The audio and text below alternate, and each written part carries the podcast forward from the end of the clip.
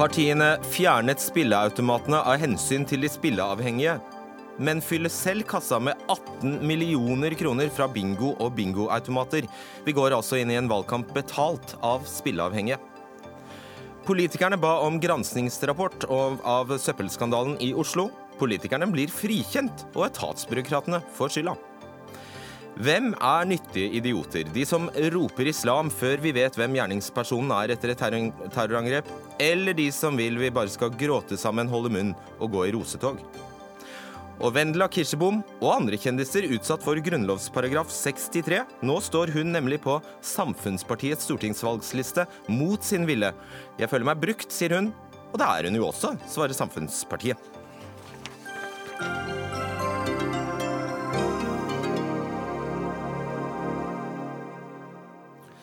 Vel møtt til Dagsnytt 18. Mitt navn er Fredrik Solvang. Og for, eh, for, våre digitalt interesserte lyttere og seere kan jeg nevne at vi eh, sender denne sendingen direkte på vår Facebook-konto NRK Debatt. Bare i fjor tjente Arbeiderpartiet, Fremskrittspartiet, Senterpartiet, Venstre og Høyre til sammen 18 millioner kroner på bingo og bingoautomater. Og dette er de samme partiene som har forbudt nær sagt alle andre typer spilleautomater og gitt Norsk Tipping monopol på pengespill i Norge. Stian Bjørnstad, du er talsperson for spillselskapet Come On Norge. Hvorfor mener dere i din bransje at dette er dobbeltmoral? Ja, For det første så hyggelig at Arbeiderpartiet også er glad i spill og viser at alle kan spille. Dernest er det jo klart at det er dobbeltmoral. Um, grunnen til at det er dobbeltmoral, er for at dette er det verste eksempelet. Um, hensyn til spilleavhengige frontes som viktig, samtidig som eh, Arbeiderpartiet tar imot disse pengene som du nevner.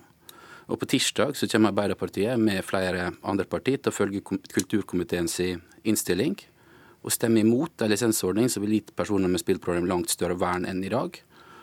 Kanskje for å verne sine egne penger. Jeg tror vi bare må oppklare litt her. Du er altså forbudt du får ikke drive i Norge, og derfor er du selvfølgelig her for å be for din syke mor. Hvorfor angriper du da politikerne? Altså, de, altså Vi angriper dem fordi at de henter inn penger og nekter andre å hente inn penger. Mm. Og så bruker de til, som du sa, valgkamp og annet. Og du er selvfølgelig bekymret for de spilleavhengige? Vi er også, som alle andre borgere, bekymra for de spilleavhengige, ja.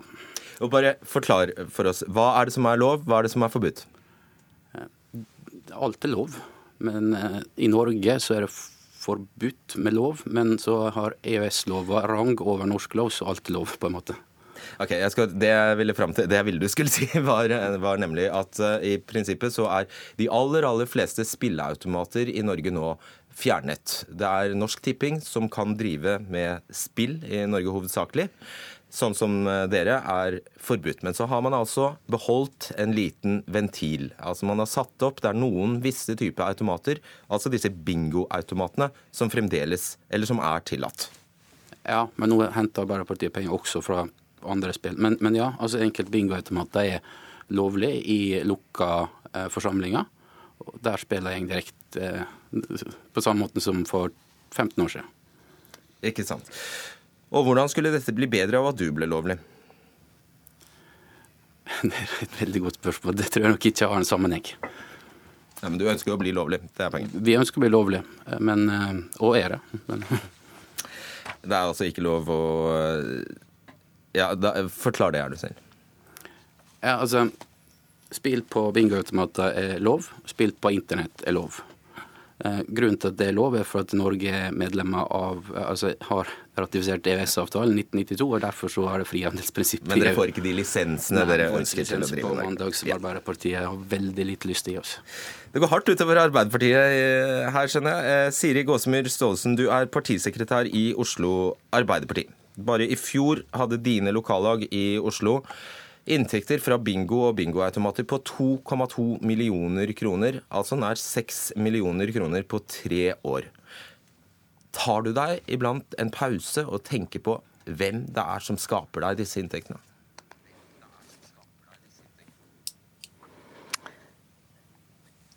Nei. altså Så lenge regelverket følges, så mener vi at vi og lokallaget i Oslo Arbeiderparti kan motta deler av overskuddet fra spillinntektene fra Norsk Tippings automater.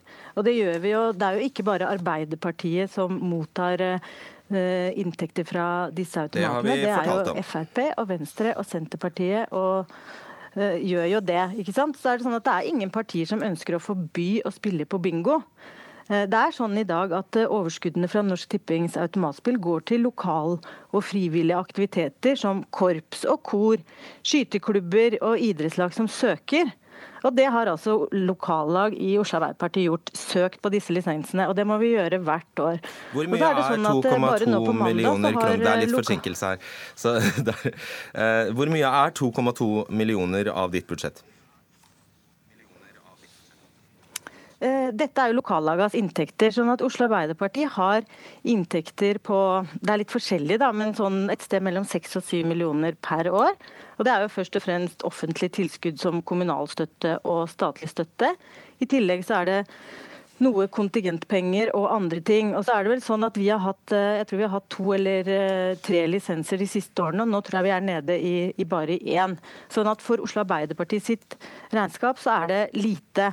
Men, ja, men lokallagene har, som du sier, som sammen med oss, ja. ja. ja, men eh, har de inntektene på 2,2 millioner. Og da bruker vi de pengene til felles aktiviteter. Som jeg begynte å si i stad, så er det f.eks. nå på, på, mandag, på 1. mai, så har vi massevis av aktiviteter som er åpent for alle, med både korps og allsang og frokoster. Og det er flere tusen medlemmer som er med på de 1. mai-gangene på mandag. Hyggelig. Og bingoinntektene er med å finansiere det. Det er hyggelig. Et parti som spilleinntektene er med på å eh, finansiere alt som skal skje på 1. mai. Ja. Nettopp. Og det er egentlig poenget mitt. Et parti som skal ha omsorg for de svakeste. Skor seg altså på dem som spiller bort store deler av inntekten sin. Hvordan lyder det i dine ører? Vi mener at det er greit at lokallaget hos oss har inntekter fra dette, så lenge regelverket følges. Og På Stortinget så har Arbeiderpartiet bidratt til å utvikle nasjonal spillpolitikk det er ikke ulovlig å spille på bingo i dag. Eh, Hvorfor er det, det moralsk er, eh, greit? Det, det er, dette her er jo en av mange ting som er lov, og som først og fremst blir et problem når folk ikke gjør det med måte. Eh, sånn at Vi mener at så lenge vi har en nasjonal spillpolitikk der dette er lov, og vi følger regelverket, så mener vi at det er helt mener vi at det er riktig å ta imot det. Sten Men så sånn at, hvis, det er, bare, hvis, det er, sånn at det er et flertall for å regulere bransjen strengere, sånn at det er færre som blir avhengige, så vil Oslo Arbeiderparti rette seg etter ja, Det skulle vel bare mangle, da ble det en ny lov. Sten Magne Berglund, kommunikasjonssjef i, i Blå Kors. Stemmer dette her at La oss ta bingo først. Er det så uskyldig som, eh, som Staalesen skal ha det til? Altså, Bingo har helt klart en eh, funksjon der mange finner et sosialt fellesskap og kommer seg ut og er sammen med andre mennesker og har det bra. Men samtidig så vet vi også at mange av de som er med på bingo, de taper en del penger og de bruker en god del penger. Og vi har, eh, blant våre pasienter så har vi Eh, en betydelig andel som kommer til behandling hos oss fordi eh, hovedproblemspillet deres er bingo Vanlig og bingoautomater. Bingo. Hvor mange bingo, da? Eh, ved poliklinikken vår i Oslo så gjorde vi en opptelling nå i høst og, i høst og, og da var én av fem pasienter eh, hadde, hadde, problemer, ja, hadde, problemer, relatert til bingo. Og disse bingoautomatene, eh, hvor mange får spilleavhengighet pga. dem? Det er en av eh, de spillene vi har i Norge som har høyest andel eh, spillere med risiko og problemspilling. Altså Det er ikke for hvermannsen å spille på disse automatene. Det er stort sett slik at det er risiko- eller problemspillere som bruker dem. Er det da mulig for de politiske partiene, eh, Siri Gåsmyr Staalesen inkludert, i å hevde dette, at deres penger ikke kommer fra spilleavhengige? Nei, det er overhodet ikke mulig å hevde det. Eh, vi er jo veldig bekymra fordi når det gjelder disse automatene, så vi har jo også andre typer automater som f.eks. er på Narvesen og sånt, som heter Multix. Og de har lavere tapsgrense enn disse automatene som da er plassert ute på bingoer.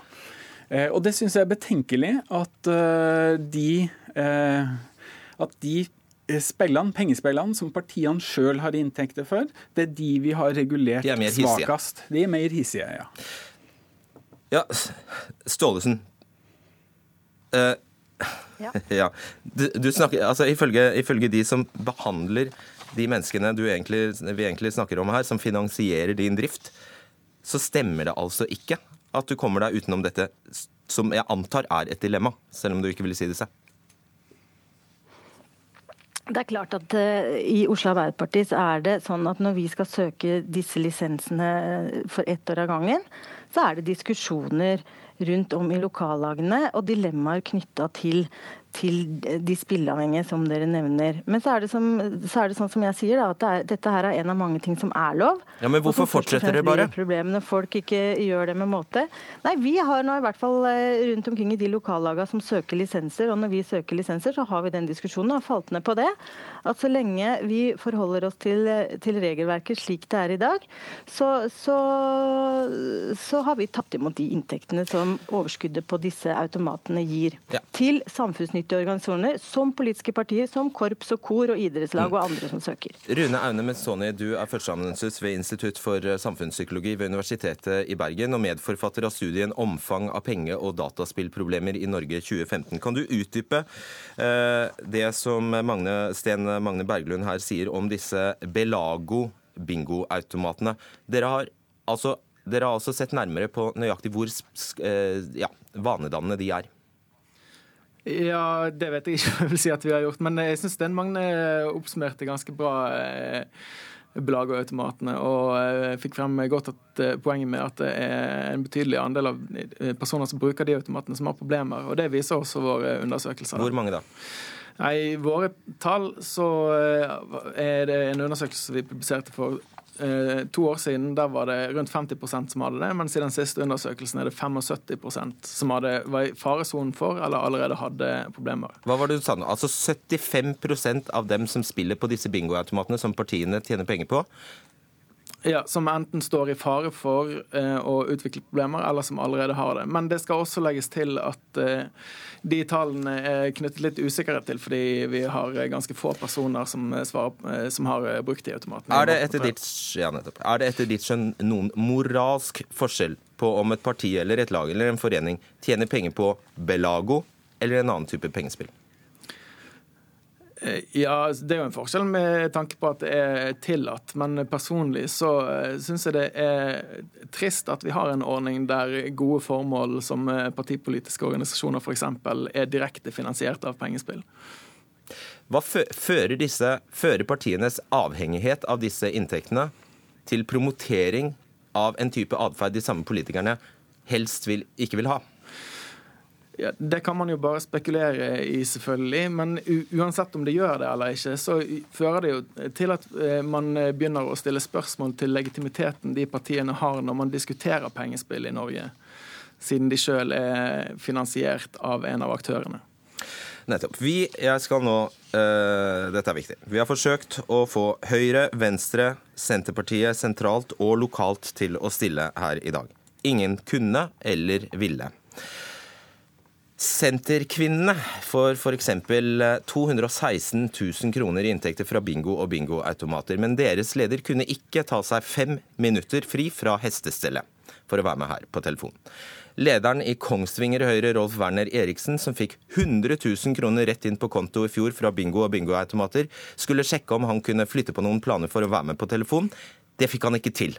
Han sier at 100 000 utgjør en liten del av inntektene deres. Vi snakker om Kongsvinger Høyres inntekter, altså. Eh, Staalesen, her du, blir du altså møtt med en behandler og en forsker som sier at det du hevder, rett og slett ikke stemmer. Ja, og da tenker jeg at uh, Hvis det er sånn at nytt kunnskapsgrunnlag eller nytt, uh, ny forskning som presenteres når man skal gå gjennom og lage ny politikk, viser at det er grunnlag for å endre og regulere bransjen på en ny måte, så kommer ikke Oslo Arbeiderparti til å stille seg i veien for det og endre regelverket. Men sånn som det er nå, så forholder vi oss til regelverket som er. Eh, Stian Bjørnsen, altså eh, talsperson for eh, Come On Norge. Hvis dere hadde fått de lisensene dere etterspør, ville det ha gjort noe med den problemstillingen vi snakker om nå? Dersom Norge ønsker å bruke pengene til det, så ville det gjort noe med den problemstillingen ganske fort. fordi at våre inntekter med spill som faktisk er snillere enn bingoriautomatene, ville overgått de inntektene med kanskje 20-30 ganger. Uh, greit. Uh, Berglund, har det noe å si om automaten? Og nå er denne automaten vi snakker om, uh, som da Nå glemte jeg navnet på den. Belago. Ja. Har det noe å si om den er kjempeaggressiv, mindre aggressiv, litt snill eller kjempesnill? For moralen i det. Definitivt. altså Det er jo ingen som ville ha protestert om man satte ut en knipsekasse. Det ville jo vært en range skjær flott nostalgi. Men disse her, eh, disse her automatene kan loppe deg for flere tusen kroner i måneden. Eh, og det er svært betenkelig at det er de mest aggressive automatene som vi har på bingoer, der det er mange med problemer. Og jeg tenker jo at takk og lov så er det i hvert fall slik at de bingoautomatene ikke står overalt. De er på få plasser. Sånn at det er ikke slik at eh, de rammer altfor mange. Men de de møter, de har noen problemer fra før. Og jeg syns egentlig at vi skulle ha trukket ut eh, kontakten på de automatene. Kanskje fått fram knipsekassene. Det hadde kanskje vært noe. Takk skal dere ha, Stian Bjørnstad, Sten Magne Berglund, Rune Aune Menzoni, og en spesiell takk til deg, da, Siri Gåsemyr Staalesen, for at du faktisk var den ene som ville komme og svare for dette her i dag. Takk skal dere ha.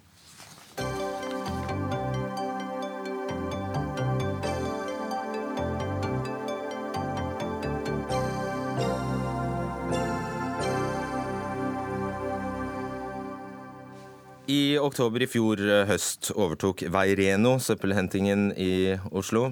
Vi vet alle at det endte med kaos, søppelberg og klagestorm. Fem måneder senere var det definitivt slutt, og kommunen måtte overta. En renovasjonsdirektør måtte gå, selskapet gikk konkurs. I dag kom rapporten om hvordan det kunne gå så galt, og renovasjonsetaten og den daværende ledelsen får store deler av ansvaret, mens politikerne stort sett går frigitt. Det var du som bestilte denne rapporten, Lan Marie Neuenberg, eh, byråd for samferdsel og miljø i Oslo for Miljøpartiet De Grønne. Er du fornøyd med en slik konklusjon? Um, jeg er veldig fornøyd med at vi har fått en rapport som har gått gjennom uh, denne anskaffelsen og uh, prosessen etter det, fra A til Å, og snudd alle steiner i den prosessen. Det var det vi ønsket å gjøre. Men vi var også veldig tydelige på at man skulle snu alle steiner, og også se på hvordan dette hadde vært håndtert fra rådhusets side.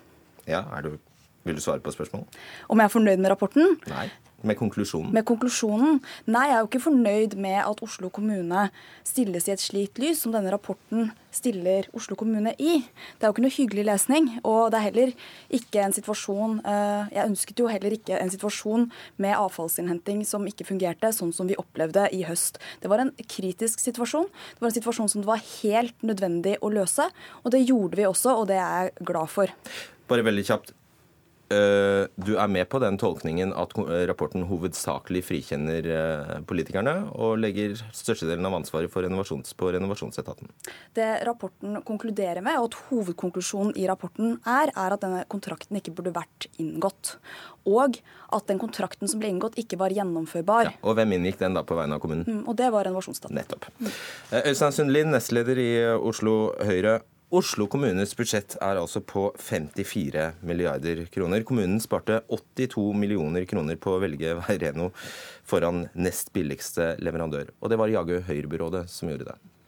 Ja, og jeg synes vi kan være såpass ydmyke at vi eh, tar på oss det politiske ansvaret for det som skjer i kommunen når vi sitter på vakt. Man har et parlamentarisk ansvar når du, eh, når du sitter i et byråd, og det er eh, alt som skjer i kommunen og rører seg under, det må du da ta et visst ansvar for. Når du nå sitter i opposisjon, på hvilken måte tar du det ansvaret? Ja, Når jeg sitter i opposisjon, så har jeg jo ikke noe utøvende ansvar. Og eh, det fine med denne rapporten for det forrige byrådets del, er jo at eh, man, det forrige byrådet blir helt frikjent. Ja, Da er det jo enkelt og, å ta ansvar. ja, ja, men du kan samtidig si at eh, det, det, som skjer i kommunen, har du et parlamentarisk ansvar for. Og så mener jeg allikevel at det ikke skal være slik at det er politikerne som skal gå ned i hver eneste anskaffelse og kontraktinngåelse i Oslo kommune. Det, sånn kan vi nok neppe ha det. Det inngås tusenvis av kontrakter og anbud i Oslo kommune hvert eneste år av dyktige, flinke fagansatte i Oslo kommune. Det tror jeg de skal få lov til å fortsette med. Og så skal vi gi fra politisk side nødvendige styringssignaler, eh, fastsette budsjetter osv. Så, nå er, nå er alle skjønt enige om at denne kontrakten skulle aldri vært inngått? Men eh, det som er en uenighet som har oppstått i kjølvannet av dette, det er at byrådet har tatt initiativ til en politisering av anbud og kontrakter, og sier at man i større grad skal gripe inn som eh, byråd eller politikerne i anbudene og kontraktene. Foreløpig har vi ikke sett noen konkrete forslag eller endringer i disse reglementene som regulerer dette, men det initiativet har tydeligvis kommet fra byrådet, og det er spent på hvordan det skal se ut. Så det vil du ikke ha noe av. At politikerne griper mer inn. Samtidig så påtar du deg politisk ansvar. Dette Ja. henger jo ikke på greip. Ja, men Du har parlamentarisk ansvar, eh, og sånn diskuterer vi det jo alltid i enten det er storting, regjering eller bystyre, byråd, at eh, de som er utøvende har et parlamentarisk ansvar. Sånn må det nødvendigvis være. Men å gå derfra til at du skal ned og detaljstyre eller politisere kontrakter og avtaler, det tror jeg er veldig farlig at politikerne skal gå for dypt ned i. Hva, på hvilken måte eh, skulle ikke kommunen, altså lest renovasjonsetaten, ha inngått denne avtalen? Det som rapporten eh, går inn i, er jo mange store og små beslutninger som hver for seg kanskje ikke ville utgjøre så stor risiko, men som samlet sett utgjorde en stor risiko for kommunen. Og som eh, tillot det at Veireno eh, fikk eh, tilbudet for en altfor lav pris, og ikke kunne klare å gjennomføre en eh, forsvarlig avfallsinnhenting eh, i Oslo. Og det viste det seg jo når vi krevde beinhard oppbemanning av både mannskap og biler og sanksjoner mot Veireno i løpet av høsten og vinteren, så uh, klarte ikke Veireno å bære de reelle kostnadene av det det koster å hente avfall i, uh, i Oslo. Det var jo selvfølgelig en alvorlig, en alvorlig situasjon som kommunen må, eh, må lære av. Og hva, er, hva blir konsekvensen av det som Sundelin er, inne på? Skal du nå ned og detaljstyre? Nei, altså Jeg er litt uenig, og jeg forstår egentlig ikke helt eh, Sundelin sin beskrivelse av hva vi har uh, sagt at vi skal gjøre. Det, det kjenner det skjønner, det, Hva er det du sikter til, Sundelin? Hun Nei, altså, ikke hva du byrådslederen hadde en uttalelse om at uh, man tidligere styrte fra baksetet disse kontraktinngåelsene og anbudene. og det vil si at Han selv mener at byrådet skal sette seg i forsetet i dette, og på den måten trosse etatene og virksomheten i Oslo kommune som faktisk gjør dette. og Det tror jeg er ganske farlig politisering av noe som absolutt fagfolkene i kommunen bør ha For du synes fagfolkene har vist at de kan gjøre jobben? I 99,9% tilfelle så går dette utmerket i Oslo kommune og stat og det offentlige for øvrig, og så går det, og det gikk i dette tilfellet galt. Men de flinke menneskene i Oslo kommune som gjør dette fra dag til dag, de mener jeg vi fortsatt skal ha tillit til, og ikke politisere dette. Jeg syns at Øystein Sundelin drar de uttalelsene til byrådslederen ganske langt, hvis han mener at det betyr at man skal detalj ned i alle anskaffelser som Oslo kommune gjør. Men det er sånn at vi har en, eh, et parlamentarisk system der hvor etatene har et eh, ansvar for å inngå kontrakter, og for å også melde opp til politisk nivå dersom det skulle oppstå store risikoer i det som etatene har som sitt Mm. Men nå er det nær sagt umulig å forstå hva som skal bli annerledes neste gang. Jeg tror jo at eh, kommunen for det første har lært ganske mye av denne situasjonen. Og så eh, tror jeg at det som kan Ja, hva, være betyr, hva innebærer innebærer det at kommunen har lært ganske mye av denne situasjonen? Vi ser jo gjennom denne gjennomgangen at eh, det er mange risikoer som man ikke har regnet sammen til hva Ja, men skal du store- inn på hvilket eh, hva, eh, Forklar i klartekst. Betyr det f.eks. at når, okay, når, når renovasjonsetaten inngår en avtale med et firma som er 81 millioner kroner billigere enn eh, neste, neste tilbud, da går alarmen, så griper du inn og begynner å lese i avtaleteksten. Er det, det, det, er det, er det sånn det skal foregå? Nå holder eh, byrådet på å utarbeide en ny anskaffelsesstrategi, der hvor jeg er helt sikker på at veldig mange av de lærdommene fra denne anskaffelsesprosessen, som vi nå har gått grundig inn i, vil bli eh, vil, vil, eh, vil det kunne spille bla, bla. inn. Nei, det er ikke et bla, bla, for det er sånn vi også må arbeide. Og så er det sånn at jeg tror at uh, dette byrådet her ikke ønsker å vekte pris så høyt som det var gjort i dette anbudet. Dette anbudet var utformet på en måte som tillot en eh, relativt liten og uerfaren aktør med et altfor lavt pris, eh, pristilbud å vinne en viktig og samfunnskritisk eh, ansvar for en samfunnskritisk tjeneste i Oslo kommune.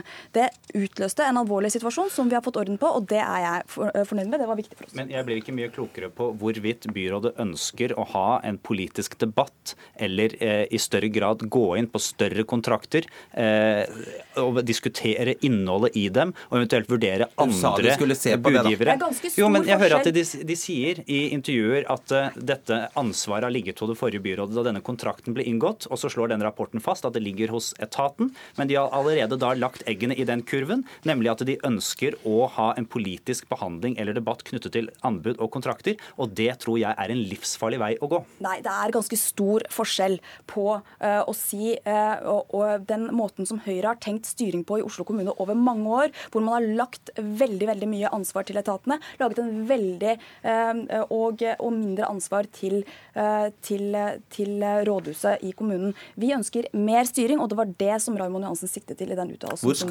hvor skal grensen for det gå? Er det, når, eh, er det på hvor dyrt eller hvor stor kontrakten er, eller hva, hva skal være utslagsgivende for når du skal begynne å blande?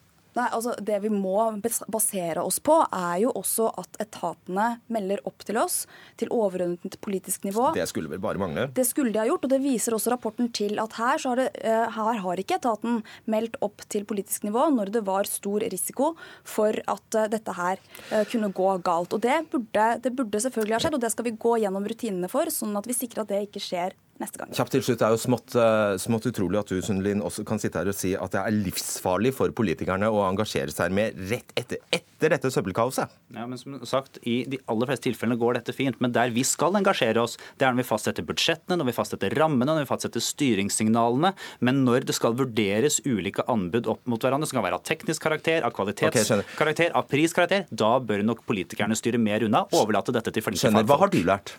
Jeg har lært at eh, vi skal være forsiktige når en slik debatt setter i gang, hvordan vi skal skyte på hverandre og hvordan vi skal prøve å mase på hverandre om hvordan det skal håndteres. Og så skal vi nok prøve å la etatene og virksomhetene få lov til å jobbe litt mer i fred. men i denne, dette tilfellet, som ble en stor kaotisk situasjon, så er det klart det, mange, skal få jobbe i fred. mange blir engasjert når, når sånt oppstår. Og i stort og smått i Oslo kommune så skjer nok dette fra tid til annen. Jeg tror at her så var det ikke minst veldig viktig med god politisk styring når det gikk så galt som det gjorde. og Det var også noe av grunnen til at vi klarte å hindre et opphold i avfallsinnhentingen i Oslo ved at vi tok avfallsinnhentingen i Det skjedde vel sånn ca. ett år etter avtalen ble inngått. Halvannet. Halvannet. Ok, takk. Øystein Sundlin og Lan Marie Nøyenberg.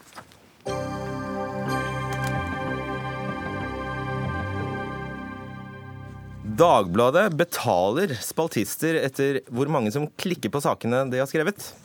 Altså det vil si at når du som leser klikket deg inn på en sak på nettet, så vokser bankkontoen til forfatteren av spalten. Og denne ordningen ble lansert i fjor høst, og Dagbladet har inngått en avtale med om lag 50 spaltister, som får altså betalt etter antall sidevisninger, skriver Klassekampen. Spaltistansvarlig i Dagbladet, Anders Holt eh, Johansen. Hvorfor honorere klikk?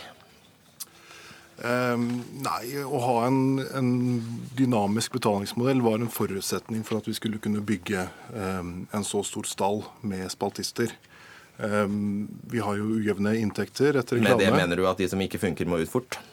Nei, det mener jeg Hva slett ikke. Jeg mener at vi kan, se, vi kan se omtrent hvor inntektsnivået ligger, og honorere litt deretter. Og så, eh, fordi dette er tilfredsstillende for, kan fortsette. Og så er det andre som tenker at dette ikke, ikke fungerer for dem. Hva får Dagbladet ut av det? Vi får jo en mye større bredde i, i tilfanget av, eh, av stemmer eh, på debattplattformen vår. Hvordan da?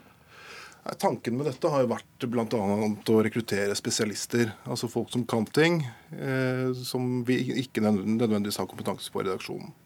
Eh, lærere, akademikere, fysikere, økonomer. Forskjellige profesjoner. Eh, og dette er folk som er i, har karrierer på andre felt fra, fra før. De er ikke på noen måte avhengig av, av lønn hos oss for å få ting til å gå rundt. En, eh, så så denne, denne provisjonsordningen er mer en sånn, eh, et godt insentiv da, for, å, for å ha en trofasthet i oss. Hva skjer hvis du nesten ikke oppnår klikk? Eh, du prøver igjen. Og de fleste som eh, Hva skjer hvis du nesten ikke oppnår klikk da heller? Ja, Det er veldig sjelden. Altså, poenget er at vi får, vi får de fleste til å få en, en, en god sak eh, i løpet av eh, noen forsøk. Og Hvis det ikke går, så er vi ikke helt hjerterå. Altså, hvis, hvis folk har lagt et stort arbeid ned i en sak, eh, og vi ikke får noe klikk på det, så har vi, kan vi jo kompensere dem litt. Selv om det, det er riktig at det i all hovedsak er en provisjonsmodell. Hege Ren Fransen, leder i Norsk Journalistlag. Eh, Ja, du mener klikkhonorar er en farlig vei å gå. Det var forutsigbart for en fagforening. Ja, Selvfølgelig mener jeg jo det, men, men det er, jeg mener, mener, det på alvor. Jeg tror det er farlig for mediene og jeg tror det er farlig for samfunnet. For jeg tror at det som skjer, som du helt riktig spør Andersson, hva skjer, er at du skrur til ordbruken. Eh, du skrur til temabruken. Eh, fordi man skal leve av det man eh, leverer. Og det tror jeg gir en fordreid offentlig ordskifte, som jeg mener at mediene skal være veldig forsiktige med å det er livsfarlig å spisse og poengtere budskapet sitt? Nei, jeg mener ikke at det er livsfarlig å spisse og poengtere budskapet sitt, men jeg tror at man kanskje velger andre typer problemstillinger eh, som man gjerne skriver mer om, som genererer mye klikk, enn bredden i de eh, debattinnleggene som man trenger i et samfunn. Og jeg mener at det er viktig for mediene å legge til rette for et, et offentlig eh, ordskifte, eh, hvor alle blir hørt, og hvor alle kan delta, og hvor det også speiler den reelle debatten som finnes i samfunnet. Mm. Du ser vel det poenget? Jeg ser det i teorien, men poenget er at vi, vi måler jo dette. Altså Vi måler jo uh, hvorvidt det er sånn at, uh, at, vi plukker lettvinte klikk, eller hvorvidt det er sånn at folk blir lenge i sakene og søker dybde. Og det vi ser er at disse sakene som, som publiseres av våre spaltister, har lengre lesetid enn den gjennomsnittlige sak på Dagbladet nå. Hva viser det? Det viser, at når folk, det viser grundighet, for det første. Og så viser det at når folk er inne og leser, så velger de å bli der istedenfor å hoppe ut. Og et lettvint klikk, altså det å tease en tittel for hardt eller søke en konflikt som det egentlig er dårlig grunn for, da ville ikke leseren blitt i saken. er, det, det. Ja, men jeg bare lurer på, er det jeg som misforstår noe? Altså en lang og grundig og kanskje vanskelig tekst. Ja eh, vil gi færre klikk fordi rett og slett det tar lengre tid å, å lese den. En, en veldig lettbeint eh, enkel sak. Nei, det er det ingen automatikk i. Og det er også en ting jeg reagerer på ved hele den øh, hva skal jeg si, kritikken av ideen om å honorere klikk her, er at det, det, er noe som er lett å få bare man er kynisk nok. Altså Sånn fungerer det jo ikke. Det, det å spisse saker og det å vinkle saker er jo et fag. Og det er vanskelig, og det er noe vi må hjelpe absolutt alle med. Og det, det folk kommer til oss med, er kunnskapen, og det er vi som hjelper dem med vinkling og spissing. Okay. For, for, for, meg så blir det litt sammenlignbart med da det for noen år siden var sånn at polske journalister ble betalt for antall ord de kunne levere i en sak. Og det er ingen her som tror at det var korte, konsise saker. Det var lange, langdrøye ting som kom ut fordi man ville ha mange ord for å ville ha skikkelig betalt. Og Det er litt det jeg syns Dagbladet gjør her nå. Du legger opp til et system som, hvor man skal eh, få til mest mulig klikk. Eh, det vil kunne generere eh, saker som det tar kort tid å lage, eh, mens man ikke har tid og økonomi til Eh, ting som er mer grundig, eh, mer samfunnskritisk f.eks., som jeg mener at mediene må ta på alvor. Så er jeg glad for at Dagbladet også kommer til å legge til rette for at det eh, blir, handler om også lengden og hvor mange tid man bruker på sakene.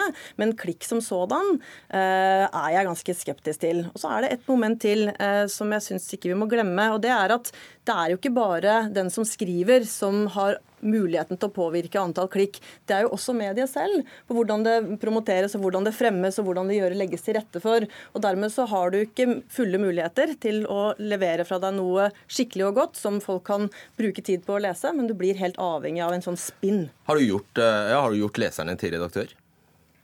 Hva, hva, hva har du gjort leserne til redaktør ved at de faktisk bestemmer hva du publiserer? Nei, altså dette er ikke noe annerledes enn en måten vi har håndtert den dualiteten mellom kvalitet og, og det at vi er nødt til å, å selge stoffet vårt på i alle år. Uh, vi har jo levd i klikkøkonomien siden, siden nettet kom, og i, i løssalgsøkonomien før det. Og, dette, okay. å ivareta både kvalitet og, og, og, bli lest, det, det, har vi god uh, tradisjon for. i dag. Det kan Dagbladet, liksom. Uh, hva får man for et klikk om dagen?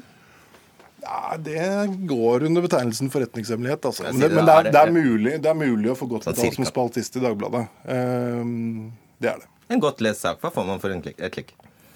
Vi står en veldig godt lest sak altså Vi har hatt saker som har betalt godt over 10 000 kroner for en enkeltsak. Ja, det er jo en god sum penger. Men jeg skulle nok gjerne ønske at Dagbladet var vel så opptatt av kvalitet og tidsbruk som ble lagt ned fra journalistens side, eller fra spaltistenes side når de leverer til Dagbladet, og at det var en Honoreringen handlet om mer enn bare en ren klikk, da, ren populisme. At det også handler om andre ting. Og Dagbladet i større grad tar et samfunnsansvar og ønsker å få til en offentlig debatt som eh, belyser de ulike temaene, som ikke bare genereres av populisme. Altså, ingen av oss lever vel eh, i den illusjonen at uh, eh, f.eks. her i NRK, når eh, NRK Ytring får inn en tekst, så foregår det en ganske kynisk vurdering av om denne teksten vil gå på nettet. Altså om den får klikk. Hva er da forskjellen på om redaktøren enerådende og egentlig ut fra magefølelse skal gjøre den vurderingen, e eller om du faktisk skal ha data som grunnlag for, for hvordan, hvordan, den saken skal plasseres på, på nett, f.eks. Jeg håper at redaktører som redigerer også Ytring og andre nettdebattsteder, gjør breiere vurdering enn bare klikk. Jeg håper virkelig det. Fordi jeg mener at vi mediene i dag, Mediemangfoldsutvalget skriver i sin rapport at det finnes en del personer i vårt samfunn som er det som vi kaller for nyhetsavvikere. Jeg er bekymra for at hvis vi, eh, hvis vi, mediene i større og større grad legger til rette for et offentlig ordskifte som ikke folk kjenner seg igjen i, mm. herunder i debattene, så vil vi få et problem. Og da vil ikke de være med oss og følge mediene og samfunnets utvikling. Anders Holt eh, Johansen, vi er live på Facebook eh, live akkurat eh, nå, og det har kommet inn et spørsmål. Kan du være snill å gi et eksempel på en sånn fantastisk godt betalt sak? Ja, Amal Aden hadde en veldig godt lest sak nå i høst, som skapte mye debatt. Sunniva Rose, som er kjernefysiker, hadde en veldig godt lest sak. Eh, grundig, lang eh, sak om eh, hva som er naturlig og hva som ikke er naturlig. Et godt eksempel på kommer det det skal være. Kommer flere til å følge i Dagbladets fotspor? Det, da vil jeg ønske dem velkommen etter i så fall. Vi er veldig fornøyd. Ja, ja, ja, det tror jeg absolutt. Altså, vi, vi, når det snakkes om at vi på en eller annen måte har forlatt noe redaktøransvar i forhold, i forhold, til klikkene, så er det helt feil. Altså, Vi sitter jo med akkurat de samme vurderingene på kvalitet eh, som vi gjør på alle andre saker.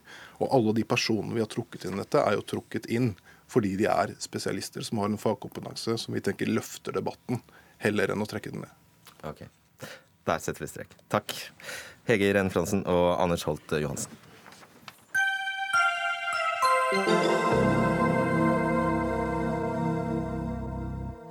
Som sagt, eh, for dere som lytter til programmet eller ser oss på NRK2, det er også mulig å Eh, følge denne sendingen på Facebook-kontoen vår NRK Debatt.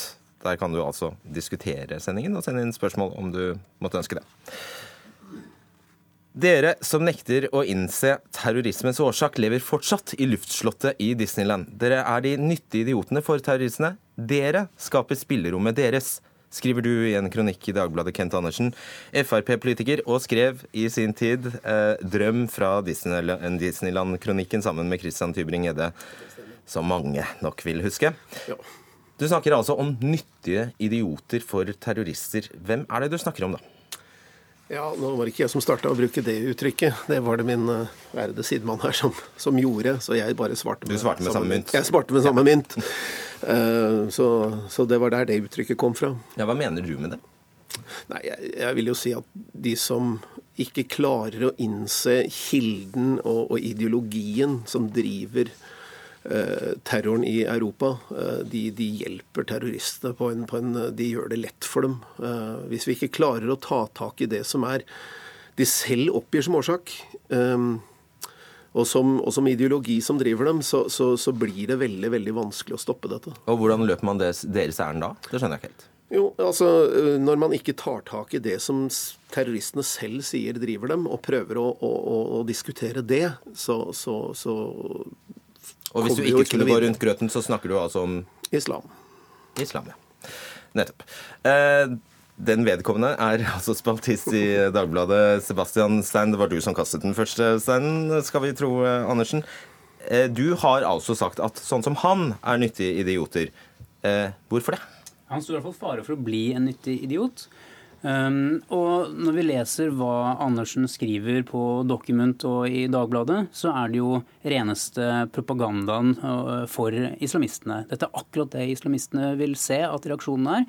Og Andersen sluker uh, islamistenes agn rått. Han uh, driver voldsforherligelse, han dehumaniserer. Og han, han, har en helt unyansert kritikk okay. av islam. For å forstå det du sier, så må du nesten forklare hva, hva, hva Andersen skriver som du reagerer sånn på? Ja, for det første så sier han eh, om, eh, om eh, terroristene Eller han kaller det for Allahs drapsroboter, det er villdyr. Han ønsker å ta til enorm maktbruk mot muslimske enklaver.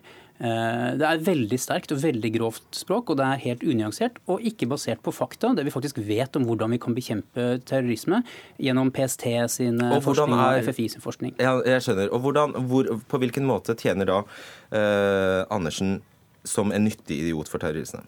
Jo, nettopp fordi han sluker agnet rått og bidrar til eh, ytterligere splid. Uh, hatprat. Uh, vi vet at vold avlører vold. Jeg har sett konsekvensene av eh, dehumanisering og vold i Syria. To ganger har jeg vært der. Si hvor du jobber. Eh, jeg jobber for Leger uten grenser. Jeg er her som privatperson. Um, sett hvordan, eh, hvordan IS eh, har gått frem i Mosul. Jeg kom inn fra Mosul for halvannet måned siden. Eh, kontoret mitt var brukt som eh, slavehull for yazidi-kvinner eh, før vi ankom. Vi vet hva som har foregått der. Jeg vet konsekvensen av dehumanisering, og derfor er det livsfarlig det som Andersen driver med. Ok, Svein. Nå er det jo ikke jeg som dehumaniserer noe som helst. Det er klarer terroristene fint selv. Det er de som dehumaniserer seg selv ved å gjøre, drive med inhuman, uh, inhumane aktiviteter. Eh, og jeg bare kommenterer hva de holder på med. Eh, at Sebastian Stein, som har vært midt oppi dette, ikke forstår hva som driver disse terroristene, når de selv sier hva som driver dem. Det er dette som er så uforståelig. Denne, denne, denne selvpåførte blindheten, hvor man nekter å godta at, at en overtro fra 600-tallet kan være medvirkende til å skape terror. Det er, det er rett og slett veldig, veldig farlig. Og du er ikke i tvil om, altså statistikken taler sitt klare språk. De fleste terrorangrep, iallfall i Europa de siste årene, er jo selvfølgelig utført i islams navn. Det er helt riktig. Eh, Men det Andersen gjør, er jo å lytte til propaganda. Eh, Og tar man propaganda på alvor, eh, så, så løper man jo terroristens ærend, ikke sant. Det er klart at det Hva er det du vil da? Gå i rosetog? Gå i rosetog? Ja, vi må gjøre det etter et terrorangrep for å vise samhold, for å vise terroristene at vi ikke aksepterer deres måte å agere på, for å vise at vi ønsker å inkludere mennesker i samfunnet. Men tror du det stanser er- terrorisme? Nei, selvfølgelig vil ikke det stanse terrorisme i seg selv, eh, men det har jeg heller aldri tatt til orde for. Jeg ønsker at eh, vi skal flytte til forskningen til eh, PST. Til Forsvarets forskningsinstitutt, som snakker om helt andre ting enn å drive en sånn Twitter-krig mot islam på norsk fra Andersen sitt, sitt, sin stue.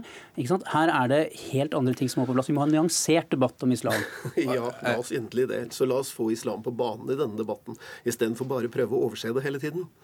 Før blodet hadde størknet, lenge før man visste hvem gjerningsmannen i Stockholm var, tvitret hun nok en flerkulturell tragedie. Jihad slo til i stakkars Stockholm. Heldigvis har ikke jihad noe med islam å gjøre. Nei, ikke det et interessant uttrykk. Det har aldri noe med islam å gjøre.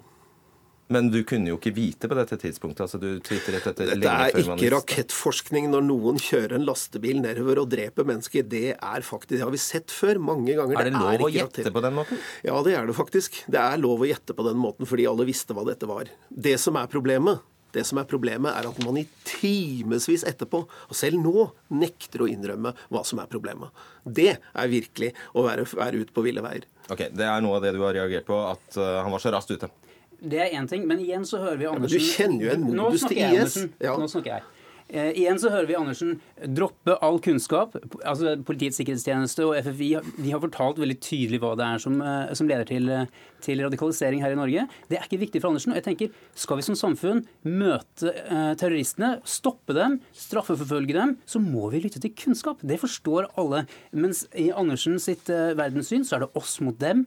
Eh, det, er, det er det er enorm maktbruk. Ja, og du løper deres ærend ved å gjenta budskapet. Så i stedet for å gå inn i en analyse, forstå hva det er, nyansere debatten, så bidrar Andersen til eh, veldig farlige ting. Vi vet jo f.eks. at det er hatkriminalitet i eh, Norge nå som har forverret seg. Jeg vil bare vite en, en sak også, i, Apropos dette med Allahs eh, drapsroboter. Skiller du mellom eh, islamister og muslimer? Det skal jeg gjerne gjøre noen gang, hvor, hvis noen kan fortelle meg hvor grensen går igjen. Det, det er det som er så veldig Så du gjør egentlig ikke det? Eh, Jeg skulle gjerne vite hvor grensen går hen. Hva, hva, hva er skillet der sånn? Fordi det er aldri Men noen som har forklart hva det skiller skillet er. hører du ikke selv hvor drøyt det er? Nei, altså, altså Problemet er at disse menneskene de, de driver og dreper mennesker i Allahs navn. Og, Alle de- muslimer og når gjør jo ikke det. Nei, alle gjør ikke det, men terroristene gjør det. Og da må vi høre på hva de sier. Vi må godta det de oppgir som grunn. Men man la da ikke skylden på alle irer da IRA herjet på 70-80-tallet? Nei, men det er ingen som legger skylden på alle sammen. Her legger vi skylden på en ideologi. Det er det det handler om. Terrorister er drevet av ideologi. De er ikke drevet av fattigdom. Da ville det vært terror over hele verden. da. Og alle religioner vært like representerte. Det er bare tull. Det er bare tull alt sammen. Det er én religion som skiller seg ut, hvor folk har det som ideologi og bruker det som årsak til å begå terror. Og for å komme til paradis, og fordi Allah vil det. Og det sier de selv. Vi kan altså ikke opptre som, som Stein her, som, som, rett og slett representerer Han er som forsvarsadvokater til disse terroristene. Han sier nei, det er ikke islam som har gjort dette. Ja, Men de sier selv at det er det. Hvorfor hører du ikke på dem da? Eh, jeg eh, hører ikke på propaganda. og jeg vil ikke høre Det er ikke propaganda når de innrømmer det selv. Dette er gjerningsmenn som sier 'her er årsaken min', dette er det som drev meg. Og så sier du 'nei, det er det ikke'. Det er å være naiv. Jeg hører på forskningen, og det er definitivt ikke å være naiv. Vi vet jo at PST f.eks. sier at dette er multietniske unge menn med lav utdannelse, mye kriminalitet og løs tilknytning til arbeidslivet. Det er Politiets sikkerhetstjeneste. De er en autoritet større enn det Andersen representerer. Antyder du nå at uh, sikkerhetstjenesten sier at dette ikke har noe med religion å gjøre? Nei, det har jeg ikke sagt. Nei, Hvorfor nevnte du ikke det? Eh, fordi jeg siterte rapporten deres, og jeg kan ikke feilsitere rapporten deres. Men det er jo akkurat deres. sånne ting Andersen reagerer på. Ja, men da må vi ha en debatt som er saklig og nyansert. Nei, men Å underslå at det er en stor religiøs komponent her, i det minste. Nei, det ønsker jeg ikke å gjøre. Men jeg ønsker ikke Du gjorde å... jo nettopp det. Nei, jeg gjorde ikke det. Det jeg ønsker, er at vi skal ha en nyansert debatt. Vi sier hvilke grener av islam er det som, eh, som tar til orde for vold. Eh, og i stedet for å kritisere islam som sådan, hvor vi skyver hundrevis av millioner av muslimer verden over og et stort muslimsk samfunn i Norge vekk fra oss fordi vi putter dem i samme bås, så må vi være nyanserte og så må vi trekke folk til oss og si hvordan skal vi sammen løse dette problemet, basert på kunnskap. Har du slått at Det kan være... Ja, det er ikke vi som putter, putter muslimer i bås, det er det muslimer som gjør selv. Og de har ikke 15 forskjellige koraner å lese, de har én, dessverre. Men det er jo veldig påstand, Andersen. De aller, aller fleste ja, men, muslimer vil jo, tar jo alltid avstand fra terror. Ja, og det er kjempebra. Selvfølgelig gjør det det. Dette er masse hyggelige mennesker som, som, som syns dette er helt forferdelig. Men dette er et problem med islam, og de vil ikke innrømme det. De må forstå at det er noe galt med denne, denne, denne ideologien fra 600-tallet, som så veldig mange andre ideer fra 600-tallet. Så er dette dårlig skrudd sammen. Sharialov, det skal innføres istedenfor demokrati. Det mener veldig mange muslimer. Og det er et antidemokratisk prosjekt. Her i Norge har vi norske lover, og det har vi i Europa. Der har vi sekulære lover. Og de som mener at man skal innføre et annet lovsystem fra en eller annen gud fra, fra 600-tallet, ja, da er man ikke på demokratiets uh, side, altså. Bare en saksopplysning, siden du, siden du sier at mange ønsker sharia. så eh, gjennomførte jo Filter, eller TNS Gallup gjennomførte en undersøkelse for Filternyheter, og den ja. sa vel at 13 eh, oppgir at muslimer bør dømmes etter sharia i Norge. Bare ja, og 75% svarte at de følger Norges lover, også når de sier noe annet enn religiøse lover. Kjempebra, sånn de men, men det forhindrer ikke at det er fortsatt Koranen som ligger til grunn, og det er fortsatt den samme profeten, og det er fortsatt den samme religionen. Og dette er et internt problem i islam, og de må gjøre noe med det. Og dette drøftes jo i, blant muslimer, selvfølgelig. Nettopp. Og det er det som Andersen er helt ignorant på. ikke sant? Her er det, det pågår en debatt i Norge eh, som er saklig god. Vi så f.eks. at et, et av trossamfunnene meldte seg ut av Islamsk Råd Norge nå nylig. Eh, det er, eh, det er, ting som må ryddes opp i Islamnett. Det er debatter på gang. Eh, men det virker ikke til å være vesentlig for Andersen. Det er oss mot dem, det er hatprat, og det er Nei, demonisering. Dette er ikke noe dem. Dette har, med, dette har bare med ideologi å gjøre. Dette har ikke noe med mennesker å gjøre. Dette er en ideologisk debatt som de er nødt til å ta. Men du prøver å unngå den. Det er Greit. det som er så fortvilet. Og du prøver å bare fremme de samme løsningene hele tiden, som ikke virker. Det, alt er prøvd. Alt det du sier, er prøvd. Vi løser ikke dette her og nå. Nei, det gjør vi ikke. Iallfall. Michael Tetzschner står og titter, eh, gjennom, titter inn vinduet her og vil gjerne inn. PST sier det, PST. Takk skal dere ha, Sebastian Sein og Kent Andersen. Og takk også til Karen Mille, som eh, sendte oss et innspill eh, til spørsmålene til Kent Andersen.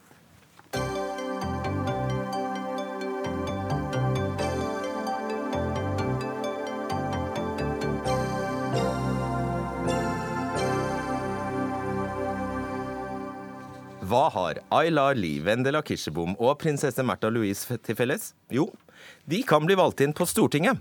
Mot sin vilje, vil jeg merke, skrev Aftenposten denne uka. Nok en gang har Samfunnspartiet satt opp flere kjendiser på sin liste uten å spørre. Og nok en gang dukker debatten om ombudsplikten opp. For alle partier er i sin fulle rett til å føre opp de personene de ønsker på valglistene, uten deres samtykke.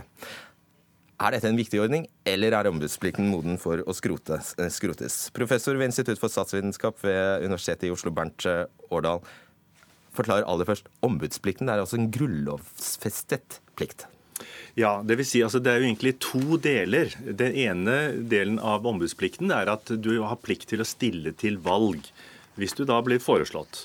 Og det andre, og som kanskje er vel så viktig, og ikke minst viktig å ta vare på, det er at hvis du blir valgt, så har du også plikt til å utføre det, eller fylle det vervet. Eh, og, liksom gjøre det du egentlig har lovt velgerne å gjøre. Det virker på oss absurd i 2017 at du ikke, skal kunne, eh, at du ikke engang skal kunne ytre, ytre noe eh, motstand.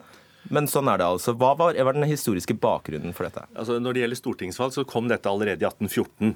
Men jeg tror nok det har noe med, med, at man legger vekt på at som samfunnsborger i et representativt demokrati, så har du ikke bare plikter, nei, rettigheter, du har også plikter. Eh, og, så Den ene delen er den samfunnsansvaret som den enkelte har. Og det andre er jo altså at man var opptatt av rekruttering. Dels å få folk til å stille, og dels også få en bredde i, i rekrutteringen. Bare veldig kort, du, du greier ikke å bli fjernet fra den listen. Er du først satt opp, så blir du der. Ja, altså Når det gjelder stortingsvalg i dag, så må du, det er noen unntaksregler. Hvis du ikke bor i, i valgdistriktet eller fylket, og hvis du er medlem av et annet politisk parti, og hvis du har sittet på Stortinget i forrige periode. Eh, men det har jo vært eksempler på at folk har skyndtet seg å melde seg inn i et politisk parti eh, når de da oppdager at de står på en, en sånn liste. Modell, TV-personlighet Vendela Kirsebom, du er altså en av de kjendisene som er satt opp ja. på Samfunnspartiets eh, liste. Ja. Bare forklar oss din reaksjon da du skjønte det. Ja, nei, Jeg syns jo det er helt grusomt og helt forkastelig at det er mulig å gjøre en sånn ting. Å melde noen inn i et politisk parti. Altså politikk og hva man mener om politikk, det er jo veldig privat og en, noe som man stemmer på. Jeg har jo aldri i min villeste fantasi kunnet tenke meg å stemme på dette partiet. Hadde du hørt om det? Eh, Der, jeg har hørt om det en gang før, for det var noe greier jeg lurer på om Ari Behn og, og, andre også var meldt inn en gang før. Men for min del så er det virkelig forkastelig. og Jeg har ingenting med det partiet å gjøre. Vi kommer aldri til å ha det. Og jeg ringte for å se hva jeg kunne gjøre, og da fikk jeg jo den beskjeden at eh, det var ikke mulig hvis ikke jeg var en del av et annet parti. Og jeg fikk jo brevet type to-tre dager før fristen gikk ut til å liksom gjøre noe med det og kunne melde seg inn i et annet parti, da. Jeg skjønner. Jeg, altså, altså, nei, jeg syns det er helt uh, forferdelig. Det, det, kan du få si direkte nå til, ja, det kan du nå få si direkte til formann i Samfunnspartiet, Øystein ja. Meyer Johannessen. Hva er det din beskjed til han? Jeg syns at han eh, bør melde alle ut som ikke har lyst til å bli med. Altså, Det må være mulig for det partiet, hvis de har lyst til å være et parti, å få egne medlemmer som vil være der. Og Ellers så er det jo helt ubrukelig. Altså, Det er helt forkastelig. Det er helt grusomt idiotisk. Altså, Jeg har Ja, jeg syns det er helt forferdelig, rett og slett. Jeg har ikke nok uh, nok sånn Altså, jeg skjønner ikke Du går tom for adjektiver? Eller, ja, absolutt. Ja, skjønner. Øystein Meyer Johannessen, formann i Samfunnspartiet. Hva, hvorfor driver du med dette her? Ja, det skal jeg eh, forklare ganske enkelt. For det første vil jeg si at hun, hun Vendela Kirsenmoen leste litt Platon, så har hun forstått den her litt bedre enn hva hun gjør nå. Men... Om hun hadde lest sin Platon, var det det du sa? Ja, hvis hun hadde lest sin Platon, så hadde hun forstått det. At de politikerne som ønsker makt for makta sin skyld, de skal vi sky som pesten, for de er ofte bedragere og har uedelige hensikter. Sånn at sånn sett så skulle jo Stortinget vært fylt med folk som i utgangspunktet ikke hadde så lyst til å være der, men som gjorde av en slags samfunnsplikt. Følte et ansvar overfor samfunnet når de hadde fått et tillitsvotum fra befolkninga. Og det andre uh, hun Kirsten Bohm, hun, hun um, reagerer og, og, og kaller idioter. Vi gjør det der, der fordi at vi får ikke penger sånn som Høyre. De får 16 millioner hos de rikeste, og så gir de dem 10-12 milliarder i skattelette. Så da misbruker du kjendiser i stedet? Nei, ikke misbruk. Jo, Hun føler seg jo misbrukt. De opplever det som misbruk, men det er jo fordi de forstår bedre. Ok, Vendela Kirsebom. Jo, men jeg må jo kunne svare. Jeg må bare si ifra, for ellers så er det her helt meningsløst for min del. Jeg syns det er helt forkastelig. Du må melde alle mennesker ut som ikke har meldt seg inn selv. Og så må du bare klare å ha det partiet du har lyst til å ha på egen hånd, uten at du får folk som absolutt ikke har lyst til å ha noen ting med deg eller dere å gjøre. Johannessen. Jeg forstår ikke hvorfor du tar avstand til oss når vi kjenner til programmet. Vi er jo tilhengere av nestekjærlighet, og så er vi tilhengere av å, å, å tilbakeføre de skattelettene vi har gitt til milliardene som skal komme alle folkene i samfunnet til gode. Tror du dette er lurt av deg, Johannessen? Ja, skjer jo nå. Vi, vi, I og med at det er ca. 30 partier som kjemper om oppmerksomhet, så har jo vi iallfall lyktes med at vi får lov å komme på NRK2 nå her og, og, snakke litt. grann. Apropos nyttige idioter. Michael Tetzschner, stortingspolitiker, eh, stortingsrepresentant for eh, Høyre. Du, sammen med flere av dine kolleger, eh, har levert inn et forslag til endring av Grunnloven på dette området, men det vet vi er en omstendelig prosess. Hva er grunnen til at dere ønsker det? Ja, Det er jo nettopp dette for å imøtekomme at eh, folks navn blir misbrukt, sånn som Vendela Kirsebom her har eh, opplevd, og selvfølgelig har god rett til å være indignert over. Det vi foreslår, er at man eh, kan ta stilling til når man blir foreslått, for det, forslagsretten er intakt. Og så får man et brev fra fylkesvalgstyret. Og så kan man eh, med en skriftlig meddelelse si at eh, man ikke ønsker å stå på den listen, uten å gi noen nærmere begrunnelse. Og hvorfor, unnskyld at jeg spør, men du har brukt 200 år på dette, om ikke du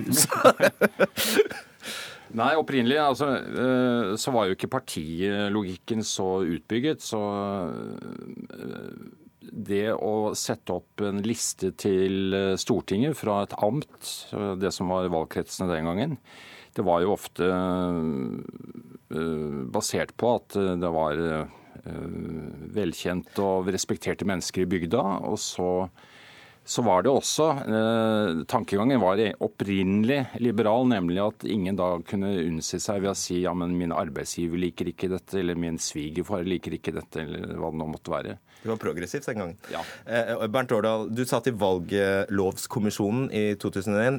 Ble da tilhørende et mindretall som den gang ønsket å skrote eh, ordningen. Men det Tetzschner er altså det, Tetzschner kunne også ha svart at uh, dette har ikke vært viktigst for, uh, for Stortinget, rett og slett, å endre dette.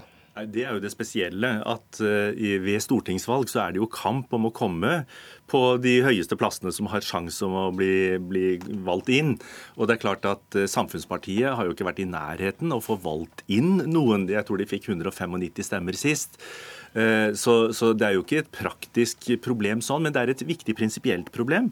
Og det som da har skjedd ved to valg, er jo at eh, Organisasjonen for samarbeid og sikkerhet i Europa, OSSE, som da foretar valg og observasjoner, har kommet med kommentarer og som sier at de stiller spørsmål om ikke dette at man kan bli meldt inn i en gruppe som man ikke selv har valgt, at dette strider mot FNs konvensjon for sivile og politiske rettigheter. Eh, Og jeg har vel en, et inntrykk at dette har gitt, eh, gjort litt inntrykk også i, på Stortinget. At eh, faktisk et sånt organ. Ja, Vi får håpe det at det også er noe av bakgrunnen for det. For vi var faktisk bare tre stykker, Geir Helgesen, Turid Leirvoll og jeg, som var en del av dette mindretallet i 2001. Ja, da ser man det.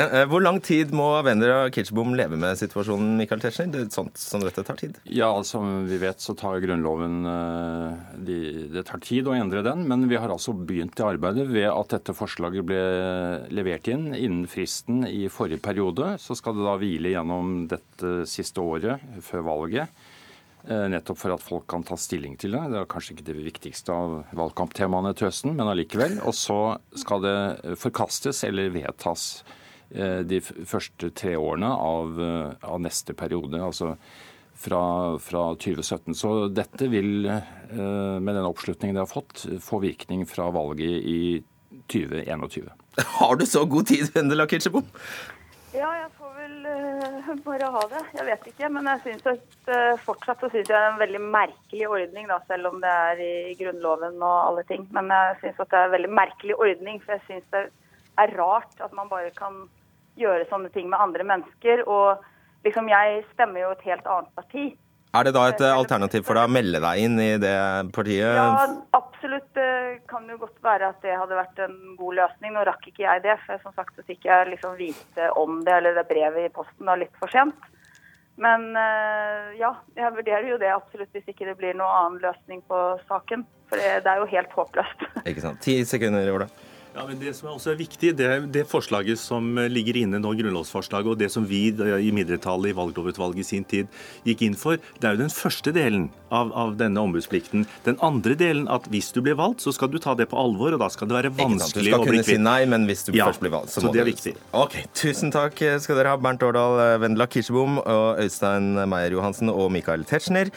Ida Tune Øresland, Finn Lie og Fredrik Solvang setter strek for ukas siste Dagsnytt 18. God helg.